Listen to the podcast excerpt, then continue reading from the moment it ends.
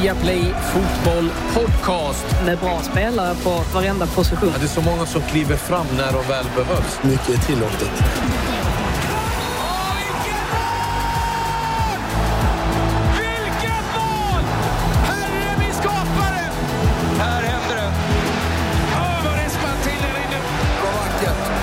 Nej, bästa dagen på året. Det största som har hänt fotbollen någonsin i princip. Hjärtligt välkomna ska ni vara till Viaplay Fotboll Podcast. Eh, Faktiskt säsongens sista avsnitt. Eh, Så eh, vi är supertaggade här nu och det är Martin som är med mig här i studion. Hur är läget? Det är mycket bra. Full fart? Ja, fast det är ändå lite lugnare nu så här, så här års. Ehm, det är lite mer barnaktiviteter som, som kommer in i schemat, eh, så tiden blir lika knapp, men, men det är jobbmässigt så är det ändå lite lugnare. TV-jobben är färre, vanliga jobben är färre, folk är på väg in liksom i semestermode, så det är liksom lite stressat på vissa punkter, men ah, nej, det är ganska bra helt enkelt. Och så är det fotbolls-EM. Mm. Expert-Martin blev coach-Martin under sommaren. Ja, jo. Stackars barn. Ja. Frida, hur är läget med dig i London? Jo tack, det är bra. Jag eh, kan inte klaga. Eh, håller med om att det är kul att EM är igång så att man har någonting att göra fortfarande eller i alla fall har fotboll att, se på så att jag, jag njuter av det. Ja, fotboll finns det att se på i, i mängder. Eh, dagtid, jag på att säga. Och nattid. EM och nattid finns det Copa America som är igång också. Vilken hyllning det var till Maradona, såg ni den? Ja, så bara, eh, inte live. Nej, men... Eh, Jag vill bara betona att jag, är- jag är inte uppe så mycket på nätterna. Mm. Ja, det är mäktigt. ja, den var, den var riktigt eh, fin. Eh, ja, vi gör väl så här, eh, Frida, senaste nytt. Vad händer i, i England och eh, fotbollens värld i övrigt? Ja, alltså jag har väl inte så mycket denna veckan egentligen. Tänkte väl att man kunde nämna att Christian Eriksen verkar ju återhämta sig på ett väldigt bra sätt efter efter den här kollapsen då. Han har ju fått en hjärtstartare inopererad eh, och det är ju förstås väldigt skönt att, att höra och eh, se att han verkar må bra. Får väl se också om Danmark lyckas studsa tillbaka. Eh, de behöver ju vinna nu antagligen, med här nästa, nästa matchen. Eh, annars så pratar man ju eh, ganska mycket om eh, Rafa Benitez här som närmar sig Everton. Eh, tas ju inte riktigt emot med öppna armar ändå. det är ju, det pratas ju om att det skulle vara det mest kontroversiella beslutet som Mushiri har fattat under sin, sin tid i klubben. Jag vet inte om ni såg för några veckor sedan att Benitez la upp en bild på sin Instagram, något som han inte gör sådär jätteofta, med en bild på honom själv och så stod det Here at home in Liverpool enjoying the good weather in England for as long as it lasts. Hopefully we can have a lovely summer. Och det kändes ju verkligen som en invit att han ville markera att jag, jag bor här i Liverpool, jag, jag finns, jag syns. Snälla, snälla anställ mig Everton. Lite sådär som när man loggade in och ut på MSN när man typ var 12 år. Så att vi får väl se om det blir av. Det verkar ju som att han ligger, han ligger närmst till i alla fall. Men det absolut roligaste av allt är ju att spelschemat av Premier League har släppts, eller delar av det i alla fall. Eh, och man blir ju så taggad så att man inte vet vad man ska, ska ta vägen. För att Leeds reser dels till Old Trafford direkt i första omgången samtidigt som Man City besöker Tottenham och Brentford tar emot Arsenal. Det är rätt sällan man vill vara på så många ställen på en och samma gång. Så vi får väl hoppas att de här matcherna är utspridda i alla fall. Så att man kan få ta del av dem alla. Men eh, ja, det var väl lite av vad jag hade den här veckan. Mm, jag gick in och kollade lite för jag såg att Chelsea hade ett ganska tufft öppningsschema. De har Palace i premiären, sen har de Arsenal, Liverpool, Aston Villa, Tottenham, Manchester City. Kan ha ny tränare någon gång Ja, i augusti, september. Vad var, hur, hur länge var nu, eh, det är Matteo kvar nu efter? Eh, ja, och vad det gäller Rafa Benitez, han har ju någon gång under sin tid i Liverpool sagt att Everton var en småklubb och det är ju sådana där uttalanden som givetvis eh, kan komma tillbaka och bita en lite grann i, i arslet. Eh, Tottenham, eh, nu vet jag att du blir lite orolig här Frida. Eh, de är lite på jakt efter Tarek Lamptey i Brighton. Vi pratar om 50 miljoner pund för Lamptey. Vi får se, det är mycket spekulationer. Arsenal är ute efter Aaron Ramsdale som är en eh, målvakt då och Aston Villa har lagt ett bud på Emil Smith Rowe på 25 miljoner pund som har då tackats nej till. Och Det är väl fortfarande så eh, Frida att Crystal Palace har ingen tränare. Nej, Eh, Wolverhampton har ju fått sin nya tränare. Everton har ingen tränare.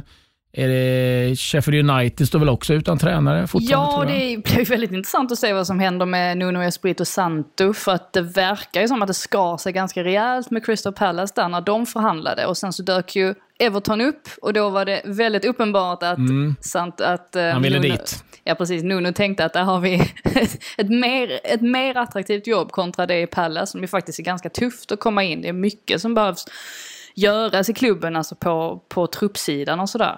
Så att vi får, vi får se var han hamnar till slut och vem, ja, vem Crystal Palace plockar i slutändan också. Det vet inte. Kanske helt plötsligt ligger Frank Lampard kanske ganska bra till. Eh, även om det kändes lite grann som att det där ryktet om att han skulle till Palace, att det var lite taget ur luften eller lite planterat. Men ja, vi får väl se vad som sker. Gattuso är klar. Han lämnar Fiorentina efter 23 dagar. Sann italiensk eh, anda, där man inte riktigt var överens om hur man skulle värva. Eh, det gick eh, snabbt, så Fiorentina också på jakt efter ny tränare. Det är också en Sergio Ramos. Den är jag lite överraskad över som eh, faktiskt väljer då att lämna Real Madrid. Eh, Angelotti har försökt övertala honom, han vill ha ett nytt äventyr. Sevilla är inte aktuellt har jag sett idag. Var tror du han hamnar? Alltså, jag, jag är helt för spelare som i slutet av sin karriär väljer att göra andra saker för att se, uppleva andra, andra delar av världen. Så att, man vill ju i den aspekten tänka sig att han spelar i MLS eller i Sydamerika. Varför inte göra en De Rossi? Spela i, i Argentina eller spela i Brasilien. Och jag tror är väl, är väl ro, alltså det är troligare att han hamnar i, i USA i den aspekten. Sen kan man alltid vända på sig. Det är klart man vill se klubbikoner avsluta sina klubbar. För det går inte att blunda för att det finns en historia här. Det finns en, en, en president som bevisligen inte har varit super... Alltså, han har inte lyckats eh, liksom, få spelare att avsluta karriären i klubbarna i alla fall. Eh, sen vet vi ju inte vad som ligger bakom någonting, men man kan i alla fall kolla på facit i det här fallet. Eh, och då blir man ju också så här lite att ah, det var kul om man har stannat karriären ut nu i Real Madrid. Men som sagt, jag är ändå för upplevelser och man ska ha upplevelser. Japan, Kina, USA, gör någonting, lär någonting av världen. Inte Qatar, hoppas vi. Fish and chips i England, kan det bli något tror du? Talas det om några engelska klubbar som är intresserade? Det hade varit ännu Ja, det hade ju varit ännu, Crystal Palace. ännu roligare. Crystal Palace, ja. Varför inte? Eh, jag har väl inte sett något eh, konkret rykte än, men det är väl inte omöjligt att det kommer att dyka upp lite snack nu för att jag såg ju ändå när Chelsea plockade in Thiago Silva exempelvis att man, eh, ja, det, det är ganska mycket kvar i, i, de, i de spelarna som har så mycket rutin och de kan ändå bidra med mycket så att det skulle inte förvåna mig om det är någon klubb som ser sig för. United då? Ja, Mm. de är ju på jakt efter en mittback ju, så att, Exakt, och de måste vara väldigt nöjda med utfallet av Cavani. Som också blir en kortsiktig men väldigt billig, fel ord men prisvärd lösning. Och det, det är väl det man får med Ramos, man får en prisvärd lösning. Som i och för sig då kanske kostar lite över tid eftersom det tar plats åt en annan. Men om det inte finns en uppenbar att satsa på som är yngre och bättre, så skulle jag vilja påstå att Ramos är, är någon optimal spelare att ta in. Givet att han klarar läkarundersökningen, men, men, men det, det får vi väl utgå från att han gör. Tror att Arsenal skulle kunna behöva en mittback också med en annan Där, klubb. där vill som- jag ju avråda Ramos istället. Ja, Nej, det var skämt. menat. ja ni, ni kan höra av er till Martin på hans Twitter. Det var ett skämt. Eh, ja, det ska bli intressant att se vad som händer. Men det är eh, mycket som sker givetvis eh, vad det gäller olika övergångar och annat. Blir det USA så hoppas vi att han inte ringer och frågar Iguain hur det ska vara att spela MLS. Han skulle ju åka dit med en cigg i munnen, sa han, Iguain. Men det var tuffare än man trodde. Ibland när man har sett Iguain så är det kanske inte ciggen man har varit orolig för. Men eh, Snälla börja rök, säger man till honom. Det brukar vara bra mot, mot att äta inte mindre mat. Ja, eh, Gonzalo Higuain eh, i MLS numera. Vad det, det gäller eh, EM så måste vi givetvis eh, vi ska ta tag i Sverige alldeles, alldeles strax här, men eh, stora drag, vad, vad tycker ni om turneringen så här långt, Martin? Eh, om jag får börja så skulle jag säga att jag är um, extremt eh, positiv till utfallet. Inte positivt överraskad, det låter fel, men alltså, det är så mycket som faller på plats tycker jag. Det är med publik och, och, och känslor och efterlängtat och jag tror dessutom att liksom, när det har varit, vi har gått igenom den tid vi har gjort, så har det liksom också eh, på både positivt och tyvärr också negativt sätt, men nu fokuserar vi på det positiva här. Det har ju spirat en viss eh, nationalism som kommer ut på ett väldigt positivt sätt i fotbolls-EM tycker jag så här långt. Eh, jag tycker också om att det har varit på olika spelplatser. Jag vet att det inte är så miljömässigt korrekt. Eh, jag vet att det finns många som tycker om att man är på ett land och spelar alla turneringar. Men jag tycker om att det har varit olika ställen som har blossat upp sådär. Jag tycker om den punktnedslagen som har varit i olika städer. Och jag, jag vet inte, det är så mycket som, som jag kanske då överdriver nu, men så här långt tycker jag fotbolls har varit det roligaste fotbolls jag någonsin har sett. Frida, dina intryck? Nej, men jag är också väldigt positiv faktiskt. Och, um, jag var ju på Skottlands första match där mot, uh, vilka, vilka, vilka mötte Tjeckien mötte de. Jag redan trillat ur huvudet. Uh, när Schick hade sin uppställ, uh, uppvisning. Men dessförinnan i alla fall så var det ju verkligen en helt fantastisk atmosfär och stämning där. Det var ju Skottlands första match sen VM 98 i en stor turnering då på här sidan och trots att det bara var 12 000 personer på Hampton Park så ja, det var ruggigt bra stämning. Alltså väldigt, väldigt bra stämning. Det var länge sedan jag, jag, jag hade sån gåshud över hela kroppen. Och då kan man bara föreställa sig hur atmosfären kommer att vara på Wembley när England ställs mot Skottland. Jag kan, inte, jag kan, jag kan nästan inte ta in det. Ehm, så på det sättet så tycker jag faktiskt att det har varit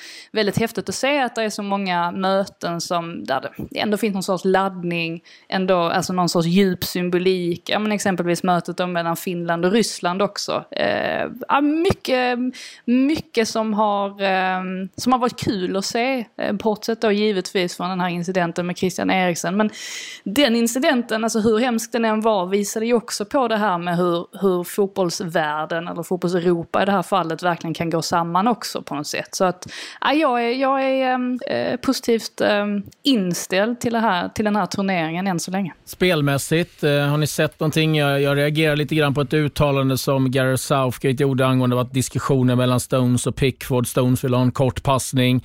Eh, Pickford valde att skicka iväg den och då sa han att vi, vi är inga fotbollssnobbar. Lägger vi långt så lägger vi långt. Att eh, det är helt, helt okej. Okay. Men det känns lite grann, jag vet inte om ni kanske inte håller med mig, att det börjar finnas en liten mer acceptans till att ja, men gå lite längre ibland. Lägga den bakom backlinjen. Alltså det, det blir ju tydligare nationella drag. Alltid. Alltså de här som vi förut kunde ha i ligorna för, för 20 år sedan, det har ju bestått på landslagen. Även om jag tycker att de också har minskat med åren såklart. Mm. Eh, speciellt i de här toppnationerna som mer och mer eh, liksom blir spelare i Spanien spelar faktiskt väldigt mycket utomlands och till och med engelska spelare utomlands. Så visst, nej, men så är det ju och jag tycker det har varit ett, en del, men jag tycker överhuvudtaget tycker jag ju det är så väldigt tydligt för mig att EM är så otroligt mycket bättre än VM är spelmässigt. Alltså det, har varit, det är inga dåliga lag med. Eh, det har nästan inte varit några dåliga matcher.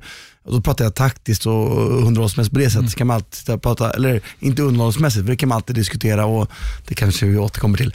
Eh, vilket land som har kanske underhållit minst i den aspekten. Men, men jag tycker alltså, det har varit bra fotboll ändå och jag är ju, hör ju till dem som så på det klara med, eller, det är supertydligt med att, att, att liksom landslagsfotboll står klart under kvalitativt vad klubblagsfotboll gör, så är i alla fall EM väldigt mycket närmare. Fotboll blir liksom inte bättre på landslagsnivå än EM spelas.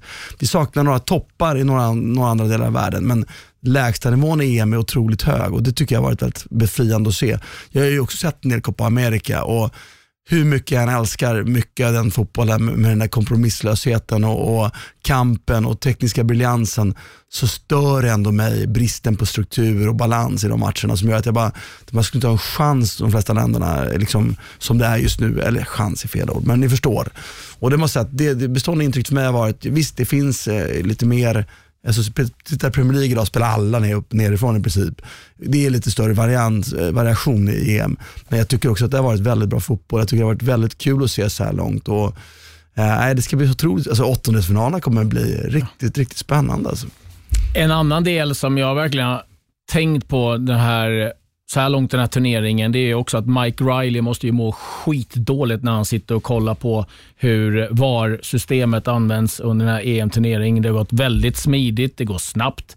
Eh, det har inte varit i närheten av de kontroverser som vi ofta har sett i, i, i England. Jag vet att en del, även engelska experter nu börjar så bara, hmm, vi kanske inte har skött det här så jäkla bra. Nej, men det, det slog mig också faktiskt att man inte stör sig på, på VAR alls lika mycket som man gör under eh, Premier League-säsongerna. Ehm, det, var, det är väl något beslut där man kanske har tänkt att varför, varför gick de inte in där? Jag vet att det var någon situation i Schweiz möte med, ehm, med Wales när Mbolo tror jag det är som blir dragen i tröjan väldigt mycket och sen så undrar man varför kliver inte VAR in och, och kollar på en sån situation. Så att det är väl klart att det finns fortfarande saker att, att diskutera. Eh, handbolls, eh, handbollsregeln är ju riktigt. Handsregeln är ju någonting som återkommer Mm. också såklart. Men jag håller med, alltså överlag så tycker jag att dels att domarnivån har varit relativt hög men också då att man lite grann har sluppit, ja men sluppit de här VAR-besluten och att VAR ska in och peta i allting också. Ehm, så att på, på så vis har det, har det hållits hög nivå. Och det är också, ska vi säga, givetvis så att de bästa domarna är på plats. Det, det ska man ju vara medveten om givetvis. Men det är ändå liksom, det, det funkar smidigare och jag har liksom gjort ganska mycket Bundesliga. Det är inte felfritt där heller, men det är mer en påminnelse om hur det ser ut där än vad det gör i, i Premier League och det är ganska skönt. Vad det gäller handsregeln så är det ju den, det är den nya regeln som nu används som man har korrigerat lite grann igen. Igen. Och vi får hoppas att de korrigerar den lite till, även om det går åt rätt håll. Mm. Jag tycker fortfarande diskrepansen mot offensiv defensiv där är, är väldigt märklig. Som Chiellinis mål igår, hade det varit defensiv hands hade det aldrig blivit straff i det läget. Och det tycker jag, så här, du kan inte ha olika regler för att spela offensiv. Det, det är det för mig så här, grundläggande, så får det aldrig bli. Men, men sen är det ju svårt, jag tror också, apropå just VAR, så nej jag har också sett VAR i andra ligor. Så, så Premier League, alltså det är ju det är inget, det är ingenting som, som jag hittar på, utan det säger ju domar, domarkåren. Premier League har en av de sämsta domarkårerna i världen. Inte för att domarna var och en för sig alltid är så dåliga, men de är otroligt dåliga på samarbete och de är dåliga på att hitta en, kon- alltså en konsekvent nivå. För det är ju det som är det stora problemet på Premier League, att det svajar så himla mycket. Det finns en populism i, i Storbritannien som har varit ett stort problem för den typen av aktioner. Sen kan man inte heller blunda för att det är också lite matchen som styr det. Alltså jag menar, du kan ju ha otur. Så att, Absolut, du kan få fyra matcher i rad där det är är verkligen- ka- kaos. Ja, ja. Ja, så, så, att- så, så, är så, det. och där har vi väl i den aspekten också haft lite tur får vi säga. Men, men det övergripande håller jag helt med om de slutsatserna och jag delar absolut er bild av det. Eh, Men sagt, med det sagt så kan det vara fyra matcher i rad när det verkligen för det är trots allt, eh, liksom, vi har inte tagit bort felen, vi har bara minskat felmarginalen. Det är väldigt viktigt att komma ihåg det. Liksom, att vi jobbar inte mot, vi kommer aldrig komma till 0% fel. Vi går bara från 5% fel till 1% fel, vilket i procentuell förbättring är otroligt, otroligt bra.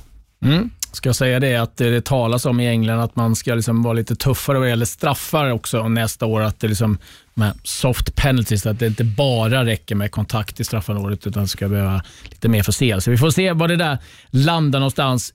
Lag som har imponerat, vilket lag är det som ni har imponerats mest av så här långt? Börja med dig Frida. Ja men det är ju omöjligt att bortse från Italien som ser riktigt starka ut. Eh, just när de, eh, alltså på sättet de, de anfaller på. Det är, så, det är så många spelare som, eh, ja, men som imponerar och ställer till huvudvärk för motståndarförsvaren. Och Locatelli är ju en, en glad överraskning. Eh, Ja, man saknar inte Verratti i alla fall, så mycket kan man eh, konstatera. Så att Italien är ju för mig ett lag som sticker ut. Det är ju svårt att att se förbi Frankrike också såklart med alla de spelarna. Även om jag inte tyckte att de imponerade så mycket mot Tyskland som, som vissa ville framhålla. Eh, tyckte väl att de, de såg bra ut.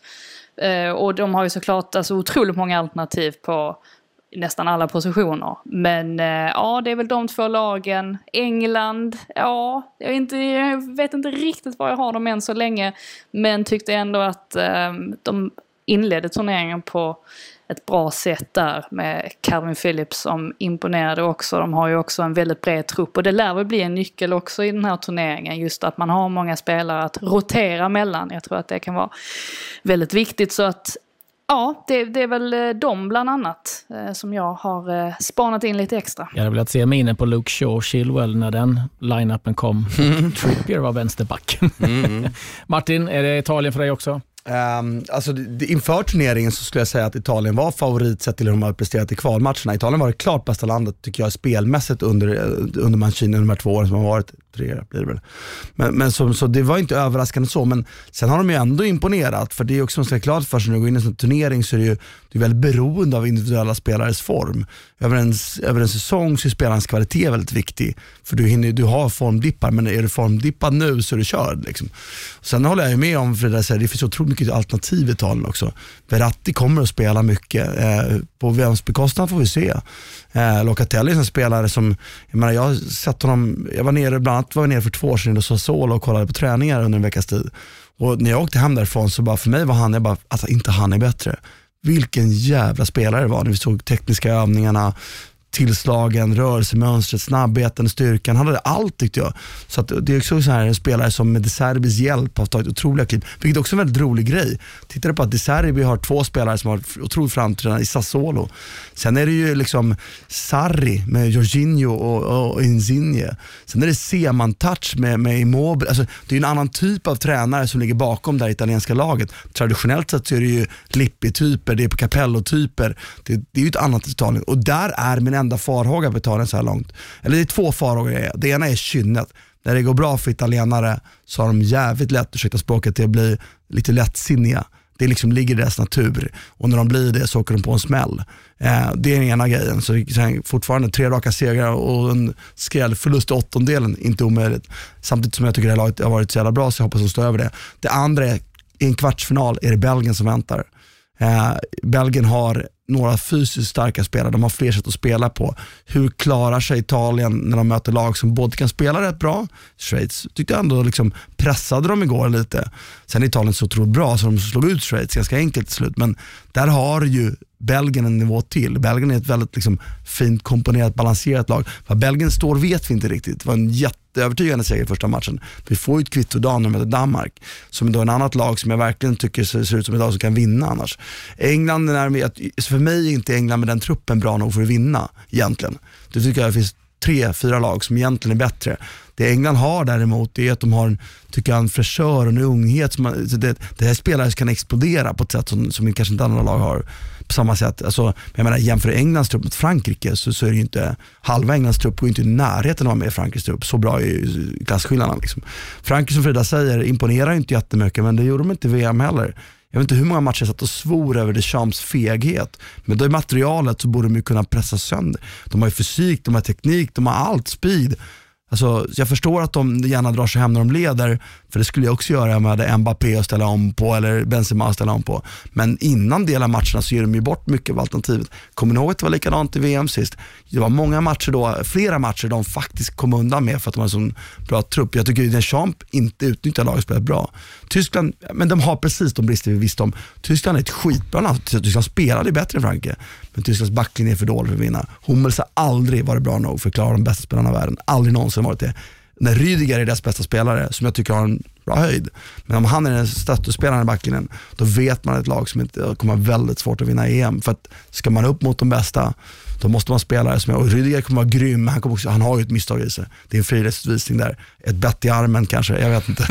Har jag tänkte där, får du flytta ner den här masken lite grann på Rydiger. Han hittade sin inre någon, Suarez. Har vi fått någon förklaring till det? Liksom? Jag tycker det har passerat väldigt obemärkt förbi. Liksom, Suarez hade fått, fick ju åtta matcher för någonting som var, det var inte värre än det där. Men han var bara, det var det där riktiga bettet. Nej, det, den är... Det är det som är kravet nu, att, att om man bara nafsar lite så, så kommer du undan med det. Men byter du någon axeln, då får du tio matcher. Ja. Är inte det lite märkligt eller? Ja, nej, den, den var jätte... Alltså, märkligt gjort, men också märkligt att det passerat så obemärkt. Liksom. Jag, var, jag fattar inte vad han vill. Ja, det, den, nej, nej. nej, otroligt äh, märklig. Han var lite mm. hungrig där. Men äh, det gäller Italien, de borde ju gå till kvartsfinal bara på, på Sweden. Ja, absolut. Ja, ja. Det är inte våra tvåmannatält. Nej, det är det verkligen inte. Nej men italienarna är bra, det är de verkligen. Och italienarna har väldigt många sätt att spela på. De spelar dessutom tycker jag, det bästa pressspelet. Det har de gjort under hela sin maskinstid. tid. De har otroligt bra högt presspel och därifrån bollskickligheten och variationen de har. Jag menar Insigne har inte varit så superbra hittills, det är ett jättesparkapital. Eh, Berardi har överraskat, varit, alltså han har ju den höjden. Men de har ju Kesa att slänga in som alternativ som har en annan sak. Immobile, det är ju kvantitet före kvalitet. Men vilken kvantitet? Alltså titta hur mycket han löper. Jämför det med, med Berg som vi pratar om löper så mycket. Antalet intensiv, maxintensiva löp som Immobile har. Alltså vilken spelare att spela med. Han är ju ständigt i rörelse. Sen blir man ju förbannad när han skjuter tionde gången när han kan passa. Men that goes with the package antar jag. Så, nej, alltså det, det, så här långt sagt, jag tycker EM har varit riktigt, riktigt bra. Och Spanien var ju dåliga tycker jag mot Sverige. Alltså det, det spanska laget överlevde inte en kvartsfinal. Men de kan ju mer, det vet man ju. Det där laget kan ju också växla upp. Och när Spanien inte är favoriter, när folk kanske öppnar upp sig mot dem, då har de ju fortfarande kvalitet. Så det, nej, det, det känns som en, så här långt som en turnering som sagt, som jag verkligen, verkligen, alltså bästa, bästa EM jag har sett vill jag påstå, i alla fall, i, som är i vuxen ålder i alla fall, eller över 15. Liksom. Mm, intressant. Nu är det också intressant att höra tipshörnan.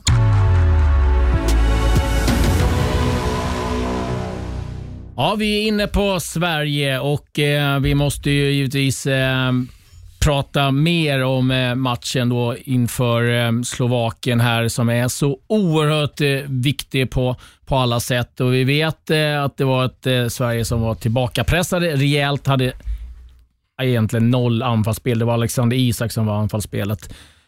Frida, vad, vad tror du de har tryckt på här nu, liksom Janne och, och company för att få liksom någon utväxling i offensiven? Nej, men jag tror väl framförallt att det man tar med sig från matchen mot Spanien, det är ju säkert dels att Ja men just att man får med sig en poäng. Vi såg hur glada de var efter slutsignal. Det är klart att det är skönt att gå vidare i turneringen och veta att nu har vi den där poängen i alla fall mot gruppens troligtvis starkaste lag. Och så kan man luta sig tillbaka mot det. Sen tror jag även att hela den här debatten som blev efteråt där ja, men många krönikörer och eh, ja, men tyckare på sociala medier och så vidare att många hade åsikter om hur Sverige spelade och tyckte att det såg väldigt risigt ut. Jag tror att det också kommer att fungera som någon sorts bränsle för spelarna. Det brukar ju, brukar ju vara så i alla fall att de, de kan vända det till någonting positivt och för verkligen kanske vill visa nu att vi, vi är mer än, eh, ja, låt säga den där första halvleken mot Spanien när det, såg, när det inte såg alls bra ut och när man kom väldigt fel in i det. Jag är ju spänd på att se också om Jan Andersson kommer göra några förändringar, särskilt nu med tanke på att Dejan Kulusevski finns tillgänglig igen. Det var ju intressant också att Sebastian Larsson kommer att fortsätta behålla lagkaptensbinden. Annars hade man kanske tänkt sig att han skulle ryka möjligtvis, att man skulle ta in antingen Viktor Claesson eller då Dejan Kulusevski, även om jag tror väl att Jan Andersson ser väl Kulusevski mer som ett, eh, ett anfalls eh, alternativ, alltså framme med Isak exempelvis. Så att ja, där är man väldigt spänd på att se om han gör några förändringar. Eller då som Kajuste som har fått så mycket hyllningar av Ekdal bland annat, om, om han får eh, lite mer speltid. Så att eh, det blir intressant att se. Det är ju definitivt ingen match man kan vaska i alla fall, den här mot Slovakien. Eh, det hade man kanske trott på förhand lite grann att ja, ja, men den, den, det är klart att den blir viktig, men det där kommer gå ganska enkelt. Men ja, nu står ju de på tre poäng, så att nu gäller det verkligen att man att man tar en seger alternativt då en, en poäng och sen gör det bra mot Polen. Vad blir nyckeln tycker du Martin? Um, alltså, vi måste ju ha, ha ett mycket, mycket bättre spel med boll. Uh, det kommer komma sig självt att, att vi får mer utrymme att spela. Uh, det kanske till och med är så att Slovakien väljer att ge bort en del av initiativet, det får vi se. Men, men, men det var ett stort problem och, och, det var ju delvis ett problem såklart orsakat av att vi inte fick, vårt pressspel blev ju obefintligt mot, mot Spanien. Eh, vi kommer inte nära någonstans och jag är förvånad. Jag, jag förstår att det inte var matchplanen och sånt händer mot bra lag. Det får man ju acceptera. Men vi gjorde ingen korrigering under matchen där man redan efter 20 minuter bara, vänta nu, vi måste förändra någonting. Vi måste liksom komma närmare lagdelarna på något sätt. Det är ju egentligen Guds försyn att vi är kvar i matchen hela matchen. Jag menar, alltså normalt Olmo jättechans, ja. Morata i friläge. Ja. Det, det, är inte vår förtjänst att det står 0-0 i halvtid, det är ju deras oförmåga. Eller vår förtjänst så tillvida att Robin Olsen gör ju någon, någon riktigt bra aktion där, men så här, det ska stå 1-0 till Spanien andra efter första halvlek, för den var faktiskt dålig första halvlek. Eh, och de, typ, bristen på korrigeringar är ju, tycker jag, ett jätteproblem. Liksom, det, det är väldigt liksom gammeldags och så köra på med nätet på samma sätt. Med det sagt så fick man 0-0 och det Frida pratade om efter matchen, de var så glada. För känslan av att veta att man gjort en plattmatch för det gjorde de. Eh, och plattmatch menar inte jag att, att de, liksom, alltså de kunde mycket väl ha Spanien har 75% bollen av. Det kan hända även om man gör en bra match. Men, men, men liksom, vi, kom, vi fick ju inte till det och det vet spelarna om. Och att få poäng i sådana matcher, det är ju det, är det som är nyckeln. Det är en otrolig boost och känsla att ha det. Så det gjorde de ju rätt i, var glada över. Jag har ingen, så här, det finns ingenting i, i, min kritik mot Sveriges prestation som jag landar i något annat än att vi fick 0-0. Låt det bara inte upprepas och där ligger min oro i spelarvalen. För mig är inte Berg en dålig spelare. Berg är en jättebra fotbollsspelare och framförallt en jättenyttig fotbollsspelare han varit i Sverige. Men när alternativen är så för mig uppenbart mycket bättre så kan man inte välja det. Det, det, det har ingenting med Berg att göra. Vad vill du se då? Alltså, det finns så många alternativ man kan välja. Alltså, som, tittar man löpmeter så sticker inte Berg ut och, och, på ett sätt som jag tycker är imponerande. Och jag tycker också väldigt tydligt när, när Quaison och Claesson kom in. Om man tittar hur nära de kommer i varje presssituation, fast egentligen matchbilden är att vi spelar ännu lägre tycker jag är också en viktig skillnad att komma ihåg. Det är sånt folk inte tänker på, att någon, liksom, det blev en duell, eh, när en viss, en viss spelare kommer duell oftare. Det är ofta, som Kajusto till exempel, det är en effekt av en förmåga att dels läsa spelet bättre, det är inte så stor skillnad kanske, men också ha då den där snabbheten, speeden, att nå in hela vägen. Och Det är en väldigt viktig detalj att hålla koll på. Och jag tyckte bara att både Quaison och Claesson kommer närmare aktionerna. Och Det tyckte jag var viktigt. Jag hade hellre haft Claesson som sprungit bakom Isak. Claesson är, är ju ojämn, du vet inte vad du får av honom. Han är lite ojämn tekniskt, formen kan man ställa frågetecken för. Men han har en fysik och närvaro som skapar större oro. Sen tycker jag att Berg är en väldigt bra inhoppare. av. Berg är fortfarande en, en, en bra straffmålsspelare. har. Men jag tycker som matchbilden är från början skulle jag aldrig starta med honom. Kulusevski, jag skulle nog inte våga det ändå. Och jag tror att Seb, där kan man ju diskutera om Seb kan spela centralt. Vi behöver, vi behöver hans löpmeter och Seb är också en spelare som tar sig in i alla presssituationer där Koffe Albin är bättre på att läsa, läsa av vad andra gör. Så att, men, men samtidigt får vi en annan matchbild. Så att, jag tror ju att, att, att Seb kommer starta, jag tror Koffe kommer starta, jag tror Albin kommer starta. Emil tyckte jag synd om i förra matchen. Så vi valde att spela, det varit bättre att ha Emil som hängande anfallare bakom Isak och spela med en kampspelare till på mitten till exempel. För att få Emil som en tia istället för att låta Emil Forsberg springa och jaga boll. Det är liksom inte hans det är inte hans, eh, det är inte han, det han är duktig på. Liksom. Så Emil är nyckelspelare i nästa match. Och sen då Isak är ju såklart eh, vår klart bästa fotbollsspelare just nu, måste starta. Och så bredvid honom finns det en uppsjö-alternativ. Man kan ställa Emil där, man har en bättre balans. Du kan, och Dejan på kanten. Du kan ha Dejan bakom, du kan ha Klasen bakom, du kan ha Quaisen bakom. Och då tror jag att om man vill hitta någon så här, hitta någon eh, gyllene medelväg, då kan ju Claesson vara den. Då får Janne sitt krock och jobb, jobb som, Claesson är ju otrolig på att jobba liksom, och, då får, och får ändå lite mer rörelse än man fick med Berg och Isak. Så det skulle jag titta på. Sen kanske jag skulle välja att spela fotboll på, men, men det är ju liksom lite ointressant. Vi måste ju ändå utgå från Jannes spelsätt och det som ändå tagit oss hit och så försöka tweaka det lite. Och backlinjen finns det väl ingenting att anmärka på ändå. Jag menar, det är klart att, att liksom, det fanns de i backlinjen som inte gjorde supermatch, men, men det, de bör också få en chans till. Om man spelar 0-0 borta mot Spanien, låt vara att Spanien är största orsaken till det, så, så är, är det ändå en, en insats som förtjänar att belönas. Och sen Robin Olsen, är, är, ja, han får stå en match till.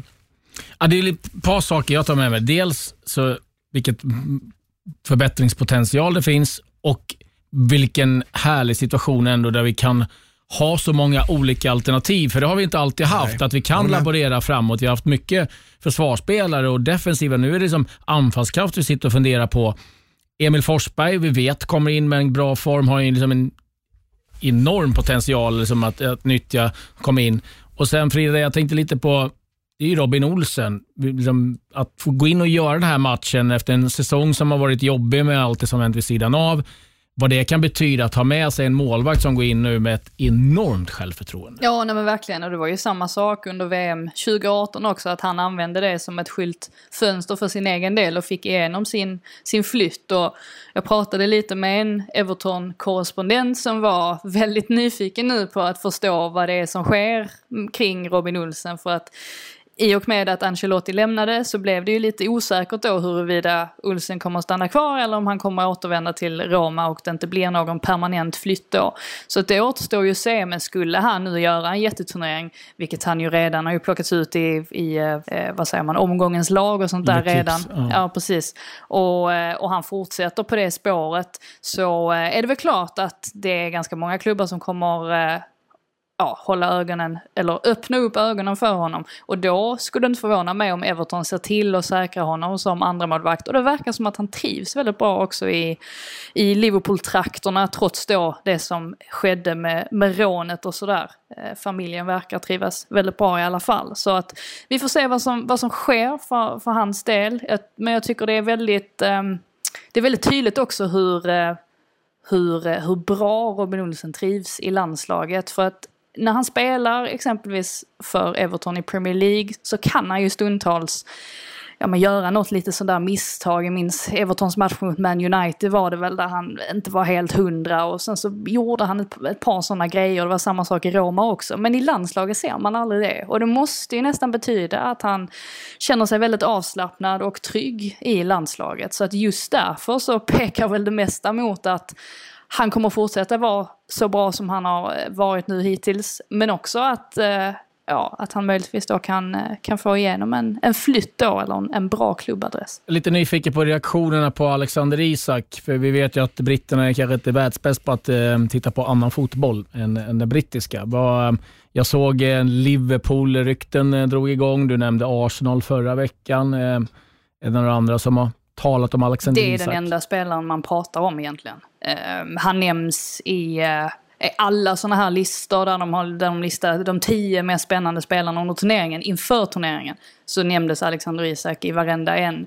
Det är honom man pratar om i studioserna, eh, det är honom man hyllar, särskilt nu efter den här matchen också. Så att jag tror att vi kommer få se ännu fler rykten om honom framöver. Det som är intressant i Arsenals fall där, det är ju att man sitter med två nior med utgående kontrakt, eller vad kontrakten går ut nästa år för Enketia och Lacazette. Så att det kommer säkert hända någonting i Arsenal. Och eftersom att de verkar ha hållit koll på honom ganska länge så är det väl inte omöjligt att de kanske kommer försöka försöka säkra honom. Sen är det väl den här klausulen i kontraktet med Real Sociedad som ställer till det lite. För det innebär ju att Dortmund kan köpa tillbaka honom, använda honom om de vill, men kanske att de säljer honom istället. Så att, ja, det vet ju inte riktigt. Och då är nog Arsenal utprisade. Ja, vi vet ju inte riktigt hur det, hur det kommer te sig allting. Men klart är i alla fall att Alex Isak, han har eh, skaffat sig, eh, ja, hans aktier har eh, åkt i luften om man säger så. Ja, det vore ju otroligt häftigt om man skulle hamna i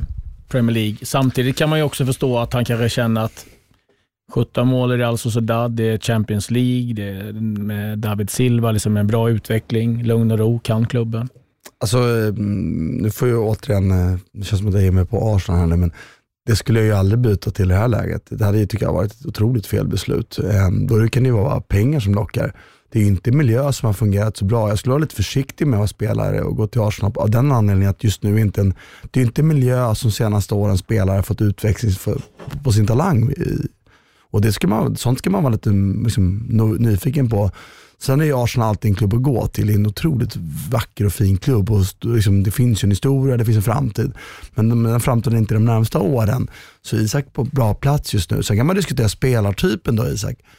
Alltså, jag tror att han gillar det bättre att spela i Italien och Spanien som han är. Han är ju inte alltid den spelaren som är helt, liksom, springer och jagar varenda boll och springer och, och, och utan det är ju en spelare som gillar att hitta, hans stora förmåga, alltså, hans största liksom, kvalitet tycker jag är hans spatiala förmåga. När han hittar ytor att spela i. Det är klart att kan man gå till City då, då har man en otrolig användning för det. Eh, men där, låt oss vara ärliga, där är jag ju inte så att City köper honom. Även om de har behov av nia så Ja, för sig. Varför inte? Jag tänker efter. Men de pratar om Liverpool så är han en ny Firmino. Ja, men det tror jag inte är hans liksom, fotboll heller. Firmino gör så mycket annat där. Firmino är ju en, en hybrid av, av det som faktiskt Berg är bra på och Isak på ett sätt. Så det tror jag inte, om man vill Liverpool ha den typen så tycker jag Isak är fel spelare. Isak är ju en spelare som är en gubben i lådan spelare och kan spela fotboll. Alltså han är ju perfekt, kvaliteten är perfekt för City. Hitta de här ytorna. Det handlar ju mycket mer om, om att ta fem meters löp och två meters löp och hitta ytan än att springa och jaga och, styr, och så styra. Så, här. så att jag, jag, Liverpool absolut, är herregud det är också en jättefin klubb. City, när man tänker efter, kanske egentligen är en bra klubb för honom på sikt också. Men han är i Real Sociedad, du är inne på att de ska spela Champions League. Någon vidare stress borde han ju inte känna och som han är nu så, jag menar, en säsong till så här så, så är faktiskt alla klubbar i världen möjliga. Liksom. Så att, Samtidigt som sagt, eh, jag är inte ens rådgivare i det här läget. Det är både skönt och inte vara, lite tråkigt också för att det är rätt kul att kunna rådgöra någon spelare på den nivån såklart. Men, men det är också lite jobbigt på det sättet att liksom, alltså när en bra, väldigt, väldigt bra alternativ kommer på bordet så är det svårare att fatta ett bra beslut än vad det är, om du förstår vad jag menar. Det, är, som, det är svårt, kommer Arsenal så är det svårt att säga nej. Det måste det vara som spelare. Men jag tycker det vore ett dumt beslut att gå till klubb som Arsenal just nu. Och man vet inte heller vad de stora drakarna i Spanien som har givetvis ännu bättre koll på Alexander Isak, vad Och de han är tycker. perfekt i Barcelona skulle jag säga. Är han bra nog? Ja, kanske. Men som spelartyp är han perfekt för Barcelona. Mm, vi får se. Och jag kan säga ni som har varit i Sociedad vet att Det är bra liv. man vill kanske inte helst gärna lämna det. det. Inflika det att vi pratade om Robin Olsson och Frida, du sa att han trivs bra i, i Liverpool-trakten trots vad som hänt. Han känns ju som någon som trivs bättre på, ett- i Liverpool-trakten än någon på en kost... Än i Rom. Ja, eller Costa Smeralda på Sardinien eller i Sa- San Sebastian på en eh, stjärnkrog. Jag vet inte, det kanske var fördomar nu. Jag tror det var Martin Dahlin som sa ena dagen satt jag nerkabbad i Rom, nästa dag satt jag i Blackburn bland korna. Vad var det som hände? ja, det kan svänga fot i fotbollens eh, värld. Med det så stänger vi eh, den här säsongen. Det Ja, var trevligt. Jäkligt trevligt. Eh, och Frida, det blir ett inlåst år för dig. Vi hoppas du får... Hur var det som London-korrespondent? Ja. Ja, det, det, det konstiga är ju att när man tittar tillbaka, jag är väl sån också, man, man kör ju ner huvudet lite grann och så bara kör man. Men ja, alltså när jag tittar tillbaka på det här året så, jag skulle inte vilja uppleva det igen om man Nej. säger så. Jag vill, jag, vill gärna, jag vill gärna lämna det här bakom mig nu och eh, blicka framåt och eh, ja, vill gärna att saker ska återgå till normala, att jag ska få träffa min familj igen och sådär. Det, det hade varit trevligt. Hur länge har du varit där nere nu? Du var där ett år innan i alla fall. Ja, precis. Så att eh, två år. Så du hann få uppleva någonting annat. Ja, jag fick ju det ett par, jag fick ett halvår där, där allting var som vanligt. Och sen så, eh, ja, så, vände det. Det är inte utan att man har tyckt väldigt synd om dig när vi har gjort de här sändningarna. Det, det ska du veta. Ja, nej. Nej men det känns, eh, det känns, det känns skönt att, att veta. Det har varit väldigt eh, existentiellt på något sätt det här. Men, eh, och och vill, vill väldigt gärna att, ja, att det ska, det ska återgå till det normala. Du kan varenda kvadratcentimeter i den här lägenheten nu gissar jag. London, man är inte trångbodd i London jag. heller. Man har ju stora ytor när man Ja, bor i. London.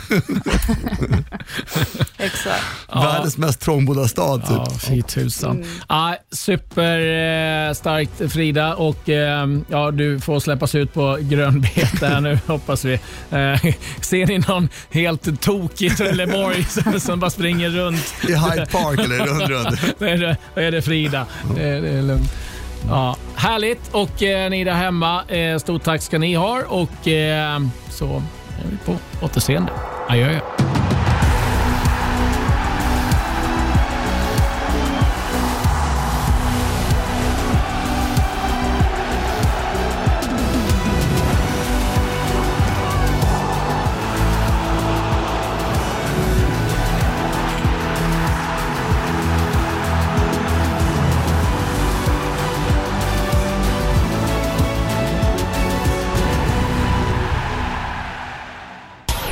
Produceras av I Like Radio. I like radio.